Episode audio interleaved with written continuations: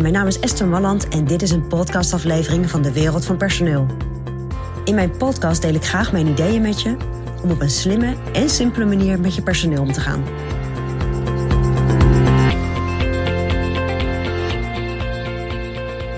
Ja, weet je, als je eindverantwoordelijk bent, dan werk je natuurlijk met een team samen. En misschien zitten er in dat team ook weer mensen die al andere teams aansturen. Maar goed, je hebt, voor iedereen heb je een rol bedacht. Iedereen heeft een bepaalde rol in je bedrijf. En wat er toch wel heel regelmatig gebeurt, is dat jij als ondernemer of als leidinggevende om mensen heen gaat.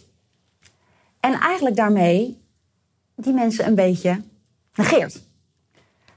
Een situatie. Je ene medewerker, mm, die doet het niet altijd heel goed. Die pakt het niet zo handig aan.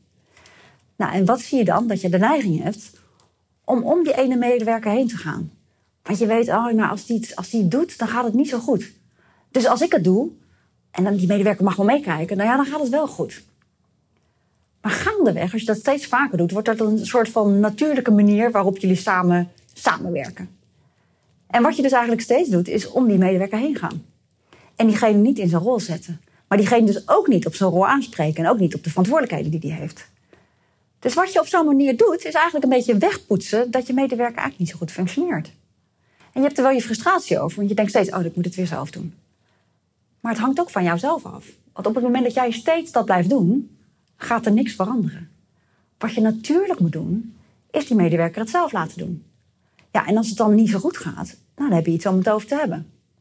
Maar door steeds het maar over te nemen, ja, dat is niet handig. Dat is in een negatieve situatie. Maar ook in een positieve situatie. Op het moment dat iemand bijvoorbeeld net wordt aangesteld als leidinggevende.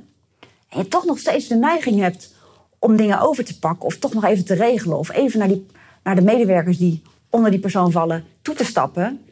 Dan ondermijn je iemands positie. Dan zeg je, zeg eigenlijk, ja, weet je, hij zit er wel. Maar ik, ik regel het wel even met je. En dat is niet goed.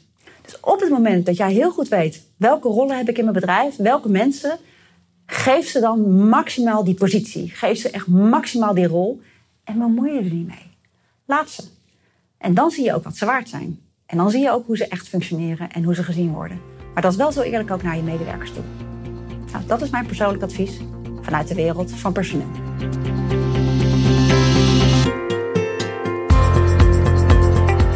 Wil je ontwikkelingen in de wereld van personeel blijven volgen? Abonneer je dan op ons podcastkanaal. Ook op onze website vind je allerlei slimme ideeën en adviezen. Dus kijk even rond op www.dewereldvanpersoneel.nl.